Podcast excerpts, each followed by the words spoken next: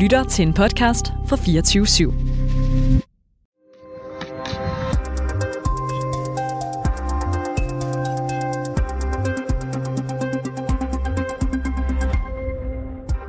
En lang række af tunge sorte SUV'er med tonede ruder ruller ind i downtown Miami. De er kombineret af motorcykelbetjente i begge sider af vejen. Efterhånden som bilerne de kommer frem, så opstår der en hulen fra fortorvet.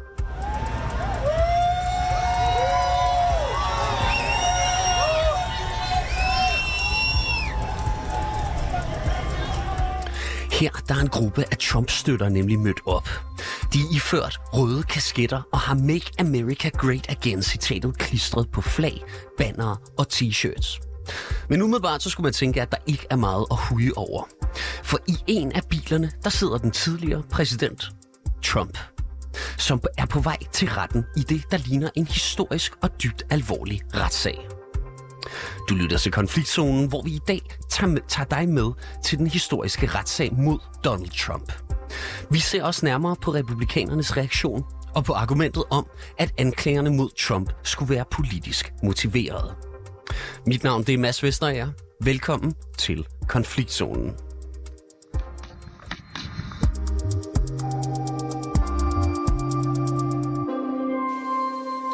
Anne Alling, velkommen til programmet.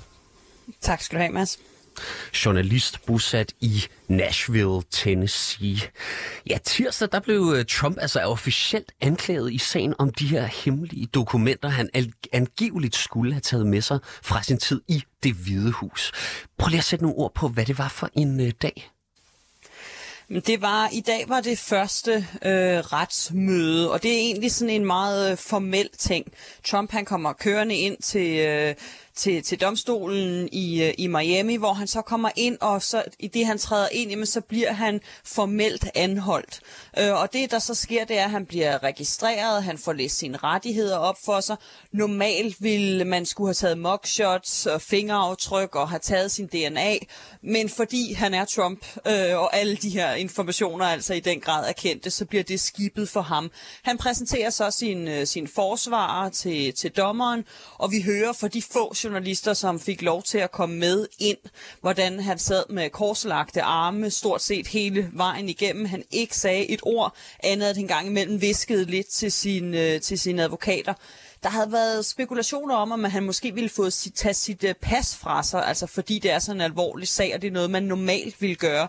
Det skete ikke, men der blev lavet en liste over de folk, som han ikke må tale med, mens denne her sag står på. Og mange af dem, det er altså nogle af hans ansatte, så det kan måske blive lidt svært. Men altså alt i alt, så tog det omkring en time eh, for, at denne her proces ligesom var kommet igennem, og han så kunne køre fra Miami tilbage til lufthavnen. En time, som altså er starten på en, en sag, som vil gå over i historien her i USA. Og Trump er jo ifølge anklageskriftet altså tiltalt for 37 forhold. Heraf der handler 31 om øh, opbevaring af hemmelige oplysninger om USA's forsvar. Oplysningerne de skulle blandt andet gemme sig i de flere end 100 hemmelige dokumenter, som er blevet opbevaret i flyttekasser på Trumps residens Mar-a-Lago i Florida, og som blev fundet i august under en rensagning, der fik stor opmærksomhed. Altså, hvordan forholder Trump sig overhovedet til de her anklager, der er kommet frem? Jamen, Trump gjorde både i, i retten i dag, der erklærede han sig uskyldig i alle 37 anklagepunkter. Det kom ikke som nogen overraskelse. Det er også det, han har gjort i alle de mange udtalelser, han er kommet med på blandt andet sociale medier, men også i, i pressen, øh, siden det her det kom ud i, i sidste uge. Altså, han nægter at have gjort noget som helst forkert. Øh, efter han havde været øh, i retten i dag, fløj han tilbage til New Jersey, hvor han har sådan en golfklub, og der gav han en, en tale, hvor han også holdt fast i, at øh, han intet har gjort forkert. Han siger, at han har fulgt det, der hedder The Presidential Records Act, altså at han har afklassificeret de her dokumenter, at han havde fuldstændig ret til at, at have dem, og så siger han, som vi har hørt ham sige igen og igen, at det her det er en politisk heksejagt mod ham, udelukkende for at forhindre ham i at blive præsident igen, og for at skygge for de egentlige forbrydelser, der foregår i USA, siger han. Han sagde her i, øh, i New Jersey her til, til aften amerikansk tid, at, at det i virkeligheden er Biden, der er den store forbryder, men Biden, der altså nu forsøger at skygge for alle sine egne ulovligheder ved at, at pusse justitsministeriet på, på Trump. Så altså en Trump, der virkelig, virkelig er, er gået i, i forsvar og heller ikke følger de regler, som, altså, som domstolen stiller ham. Han langede hårdt ud efter uh, Special Counsel uh, Jack Smith, uh, svinede ham til i sin tale, det har han også gjort før, svinede også, uh, svinede også hans kone til, altså noget, som normalt er fuldstændig uhørt for en person, der er tiltalt i så alvorlig en sag. I will appoint a real special prosecutor to go after the most corrupt president in the history of the United States of America, Joe Biden. Ja, så bliver der leveret en kommentar i sædvanlig Trump-stil. Men Anne Alling, hvordan står Trump egentlig selv i sagen? Altså politisk, der er der ikke nogen tvivl om, at Trump han i den grad prøver at bruge det her til sin fordel, og det ser ud til også at virke blandt store dele af hans republikanske vælgere. Men juridisk, altså så er det her en rigtig, rigtig møg sag for, øh, for Trump, mildest talt. Øh, juridiske eksperter, de taler om, at det her, det altså simpelthen kan være det, man kalder en, altså en slam dunk sag. Der er masser af rygende pistoler i, øh, i de, øh, de eksempler, argumenter, beviser, som, øh, som anklagerne de fremstiller. Altså det er en en, øh, en meget, meget hård tiltale, et langt tiltaleskrift, også det, der kom ud, da vi hørte om, hvilke sigtelser der var, og, øh, og hvad hedder det, anklagemyndigheden, Justitsministeriet har masser af argumenter med sig, så det tegner altså til at være, altså først og fremmest selvfølgelig en meget alvorlig sag, men også en, som ser ud til i den grad at kunne, at kunne holde vand for, for Justitsministeriet, og det er også, altså det er enormt vigtigt for Justitsministeriet, og man regner heller ikke med, at de ville have valgt at føre en sag mod eh, Trump, en tidligere præsident, hvis de ikke var sikre på, at de virkelig, virkelig har, har beviserne i hold. Øh, hvad hedder det? Trumps tidligere justitsminister Bill Barr, han udtalte til, til, til medierne her for, for et par dage siden, at altså, han sagde, altså hvis bare halvdelen af det, der står i den her, øh, i den her tiltale, det er sandt, så, så er øh, Trump toast, som han kalder dem som han kaldte det. Så det er altså bestemt ikke nogen god sag for, for Trump rent juridisk. Og altså, øh, der kan jo øh, vente Trump mere end 400 års fængsel simpelthen, hvis han bliver kendt skyldig i alle punkter. Enkelte af anklagerne, de involverer spionage, og derfor så kan de give næsten 20 års fængsel i sig selv. Hvordan er det så, Trump han vil undgå at ryge bag trammer? Altså 400 år, det lyder immer væk som lang tid. Ja, 400 år, det, det når man frem til, fordi i USA, der kan man altså ligesom få en, en dom, øh, årsdom per sigtelse, og fordi der, altså der er 37 anklagepunkter, så kan det øh, lige pludselig tælle op og blive til rigtig mange år. Man skal tage det med et, et grænsalt. Det er meget usandsynligt, at der overhovedet vil blive tale om noget så stort, men altså, der det tegner til, det, det er meget sandsynligt, at det her, rent juridisk i hvert fald, altså kan blive til år i fængsel. Og det er jo selvfølgelig en, en situation, som Trump for alt i verden øh, vil undgå. Og han har forskellige muligheder for, hvordan det kan lade sig gøre. Det, der helt sikkert øh, er helt sikkert, det er, at Trump han vil gøre alt, hvad han kan for at få udskudt den her retssag til, at den ikke skal finde sted før efter valget i november 2024. Og det er, fordi han håber selvfølgelig, at han vinder præsidentvalget, bliver præsident, og så vil han nemlig måske, og det er et stort juridisk spørgsmål, som øh, juridiske eksperter slet ikke er enige om, men måske der er mulighed for, at han så vil kunne benåde sig selv, eller han i hvert fald ville kunne udnævne en justitsminister, en justitsminister som så kan gå ind ligesom og slette denne her sag. Der er også en anden mulighed, hvis nu, at han ikke bliver republikanernes præsidentkandidat, men en anden republikaner bliver kandidat, og den republikaner så vinder, at så vil den republikanske præsident kunne gå ind og benåde Trump. Og det er noget, som altså virkelig bliver spekuleret i, om det er noget, som de andre republikanske kandidater vil begynde at bruge. Den første har gjort det en, en mand med navn øh, Vivek øh, Ramaswamy, som er en, en republikansk kandidat, der ikke ligger særlig højt i, meningsmålinger, men, i meningsmålingerne, men som har været den første kandidat, der har været ude at sige, at hvis han bliver republikan, hvis han bliver præsident, så vil han benåde Trump. Så det er en anden mulighed, der kan ligge. Men først og fremmest, altså så er Trump nødt til at få skudt denne her sag hen efter valget. For hvis den ligger før valget, og der ender med at komme en dom, jamen så er det meget sandsynligt, at Trump han kan ende i fængsel. Han kan stadig godt føre valgkamp fra fængslet. Det er der ikke noget, der forhindrer ham i. Men, øh, men, men på den måde vil han ikke, hvis den ligger før, og der kommer en dom, jamen så vil han skulle i fængsel. Ja, for inden retssagen, der dukkede flere Trumps tilhængere op i Miami, som vi også hørte her i begyndelsen. Altså byens politi, de havde en forventning om, at mellem øh, 5.000 og 50.000 ville møde op. Anne Erling Kort her til sidst. Øh, hvordan har tilhængerne reageret her på første dagen? Det endte med at blive en, en rolig dag foran retten. Vi hørte her lydklippet, du spillede med, øh, med folk, der var mødt op. Men der, det var meget, meget få i, i forhold til de her, altså helt op mod 50.000, som politiet havde varslet, frygtet måske kunne møde op.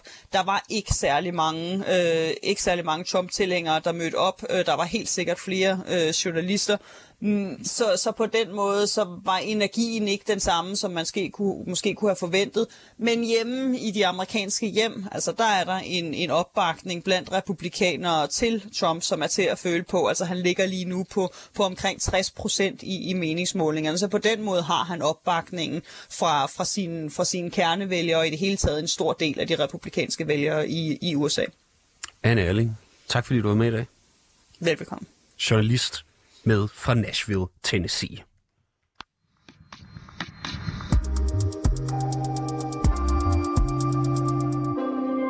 Og så kan jeg byde velkommen til Nils Bjerre Poulsen.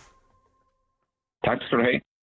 Du er professor i amerikansk historie og lektor ved Center for Amerikanske Studier på Syddansk Universitet. Og det er politisk motiveret, øh, lyder det fra flere republikanere om anklagerne mod Trump. Lederen for det republikanske mindretal i repræsentanternes hus, Kevin McCarthy, han formulerer det sådan her mandag til pressen. The idea of equal justice is not playing out here. And so that's a real concern to all Americans. So as a policymaker, elected officials, we want to make sure it's equal justice for all. We want to look that it's a weaponization.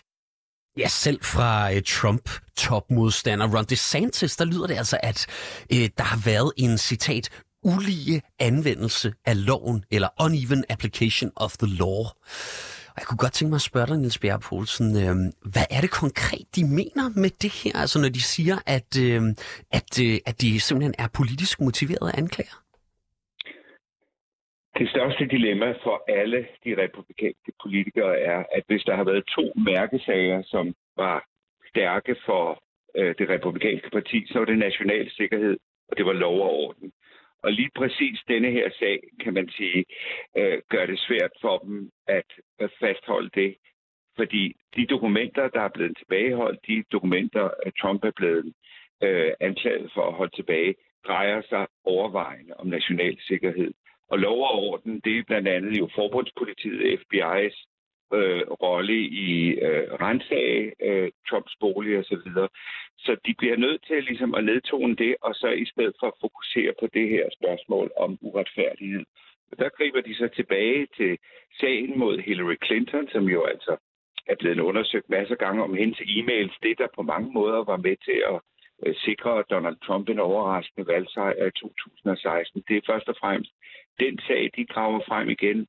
Og så er det den omstændighed, at der også blev fundet øh, dokumenter, som var fortrolige hos Joe Biden og hos tidligere vicepræsident Mike Pence.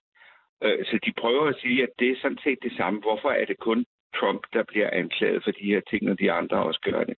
Det er selvfølgelig lidt i konflikt med, at en stor del af Trumps kampagne i 2016 og siden gik ud på lock her up, at Hillary Clinton burde være i fængsel for de ting, han, han mente, hun havde gjort. Og det er svært at forene med, at de samtidig så ikke synes, der skal ske noget med Trump, fordi hvis forseelserne var de samme, hvad de så ikke er. Har de øh, så ret i, at der øh, har været retfærdig, eller at, øh, at der ikke er retfærdighed her i retssagen? Nej, det mener jeg absolut ikke, de har. Man kan sige, at øh, sagen er ret klar, når man ser anklageskriftet, de 49 sider, øh, så er det ting, som de har svært ved at, at forsvare, fordi det drejer sig altså ikke bare om, hvorvidt Trump havde nogle papirer, han ikke skulle have. Det drejer sig om måske nogle af de allermest hemmelige dokumenter, øh, den amerikanske regering råder over, om øh, angrebsplaner, om øh, USA og andre magters øh, militære formåen osv.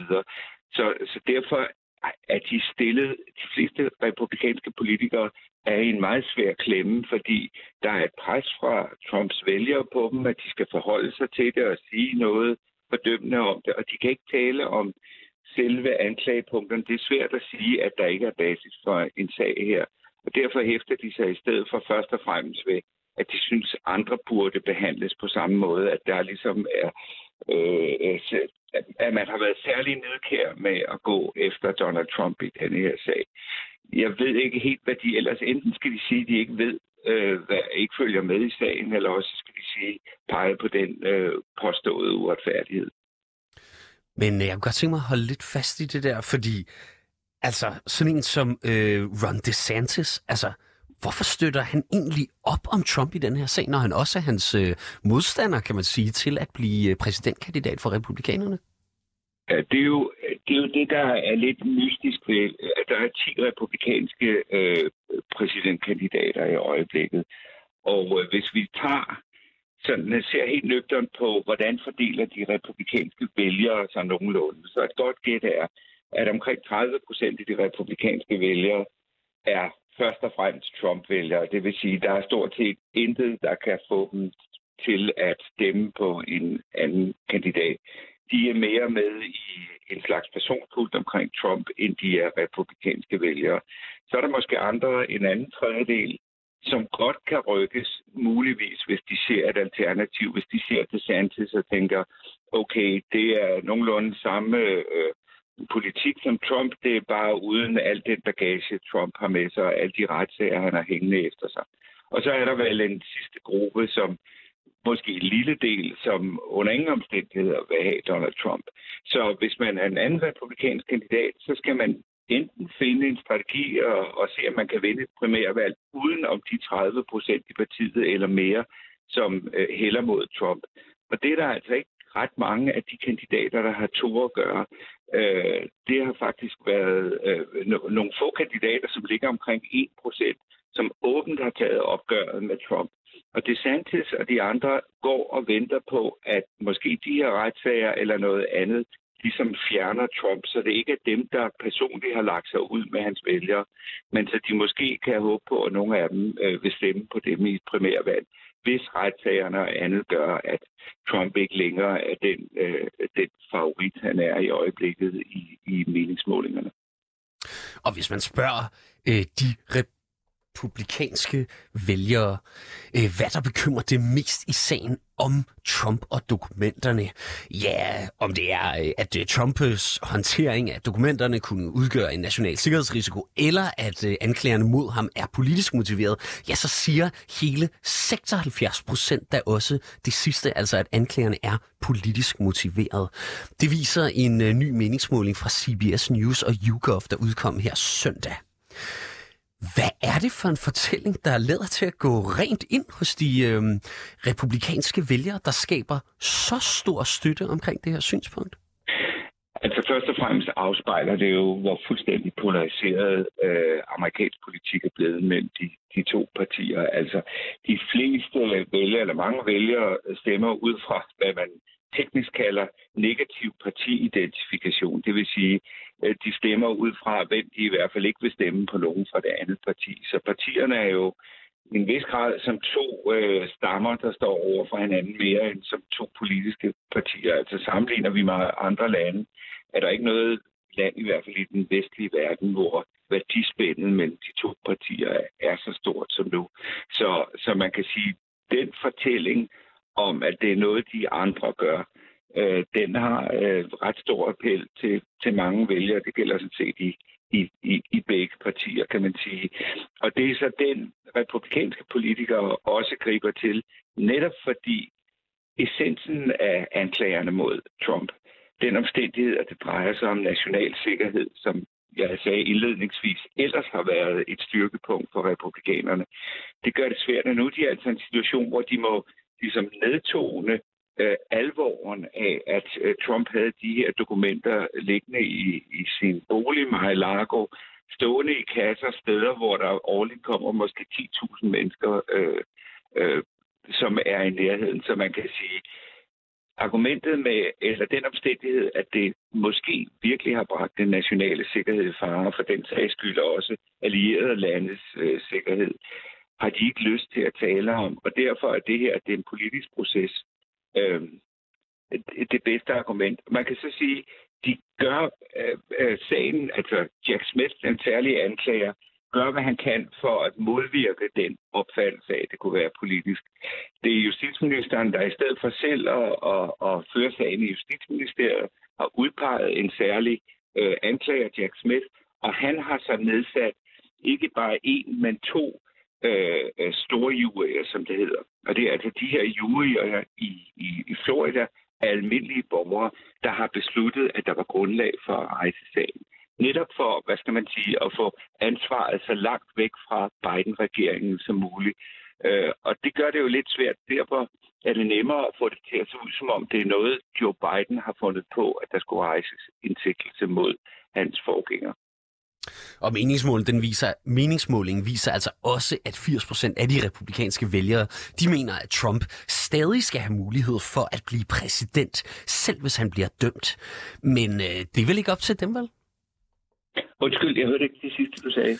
Øhm, jamen altså, at, øh, at der simpelthen er 80% af de republikanske vælgere, der mener, at Trump skal have mulighed for at blive præsident, selvom mm. han bliver dømt. Men det er vel ikke op til dem? Nej, øh, det er det ikke. Altså man kan sige, hvis vi skal se et sådan strategi i sagen videre frem, øh, så bliver det meget, meget svært for Trumps forsvar at argumentere med selve sagen. Det er værd at bemærke, at, at ser man på anklageskriftet, så står alt næsten i direkte citationstegn. Der står ikke den og den hævder. Øh, det er direkte citater, og det er fordi, de har båndudskrifter af alle de samtaler. Så man kan sige, at bevismaterialet virker øh, ret øh, overvældende. Så i stedet for at gå ind i substansen i anklagerne og sige, at det og det vidne er utroværdigt, de fleste vidner i anklageskriftet er Trumps egne advokater og egne medarbejdere, så øh, bliver strategien at forsøge at forsinke processen så vidt muligt. Altså håbe på, at man kan sige, at det her er politisk motiveret, og derfor skal det vel vente til, til eftervalg. Altså hvis vi lige skal tage det der kort med årsag og virkning, så er sagerne jo ældre end Trumps kandidatur. Altså, sagerne har været under undersøgelse øh, i lang tid, og Trump var så meget hurtig med at melde sig som republikansk præsidentkandidat i efteråret, da det stod klart, at der sandsynligvis ville komme sigtelser både i denne her sag og i de fire-fem andre sager, som, som øh, samtidig øh, bliver ført i New York og i Georgia, og også flere sager fra, fra Jack Smith. Så man kan sige, hans tidlige kandidatur var netop, øh, ideen med det var vel netop at kunne sige, at det her var politisk motiveret, at det var fordi han var kandidat, sagerne var der. Men sagerne var der faktisk først. Men den her sag mod Trump, altså den kan vel næsten ikke undgå at forstærke den øh, splittelse, der allerede er i landet, eller hvad? Nej, men øh, det, det, det kan den sikkert ikke, men, men tænk på alternativet. Hvis, øh, hvis man sagde, okay, øh, Øh, fordi det er Donald Trump, øh, og de her sager er godt nok voldsomt alvorlige og har sat national, måske bragt national sikkerhed i fare, men vi vil ikke føre den, fordi det giver øh, politisk splid. Hvis man ser på den anden ende af, af meningsmålingerne, netop, nemlig hvad de ikke-republikanske vælgere mener om det her, så er der jo altså 80 procent der, der mener, at selvfølgelig skal de her sager føres. Så man kan sige, at splittelsen er der i, i forvejen, og den bliver øh, næppe mindre på grund af, af sagen her. Men det ville også være øh, en erklæring for et retssamfund, hvis man lød sig presse til ikke at føre sager, der, hvis vi skal tro, at anklageskriftet er så oplagt som denne her. Men hvad med splittelsen internt i det republikanske parti? Altså, hvor stor er den på nuværende tidspunkt? Ja, men den er jo betydelig, og, og det er jo sådan at bagvej, man altid hører historier om, hvor mange af de øh, ledende republikanere, der bare håber, Trump forsvinder på et eller andet tidspunkt.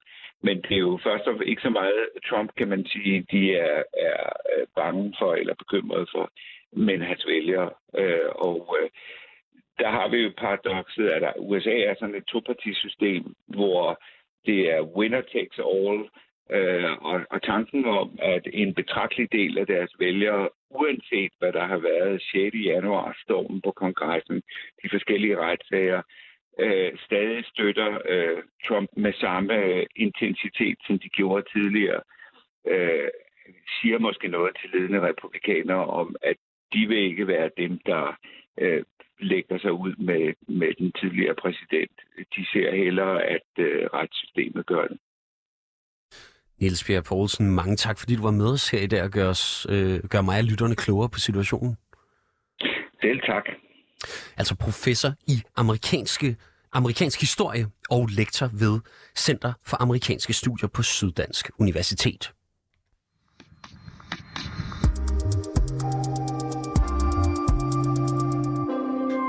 Du har lyttet til dagens afsnit af Konfliktzonen. Vi er 24-7's udenrigsmagasin. Mit navn det er som sagt Mads Vesterager, og holdet bag programmet det er Christine Randa og Sofie Ørts. Ham, der sidder ude i regien og trykker på knapperne, han hedder Oscar Chauffeur. Du kan lytte til programmet direkte mandag til torsdag fra 8 til 8.30, men du kan selvfølgelig også høre programmet som podcast. Mange tak, fordi du lyttede med.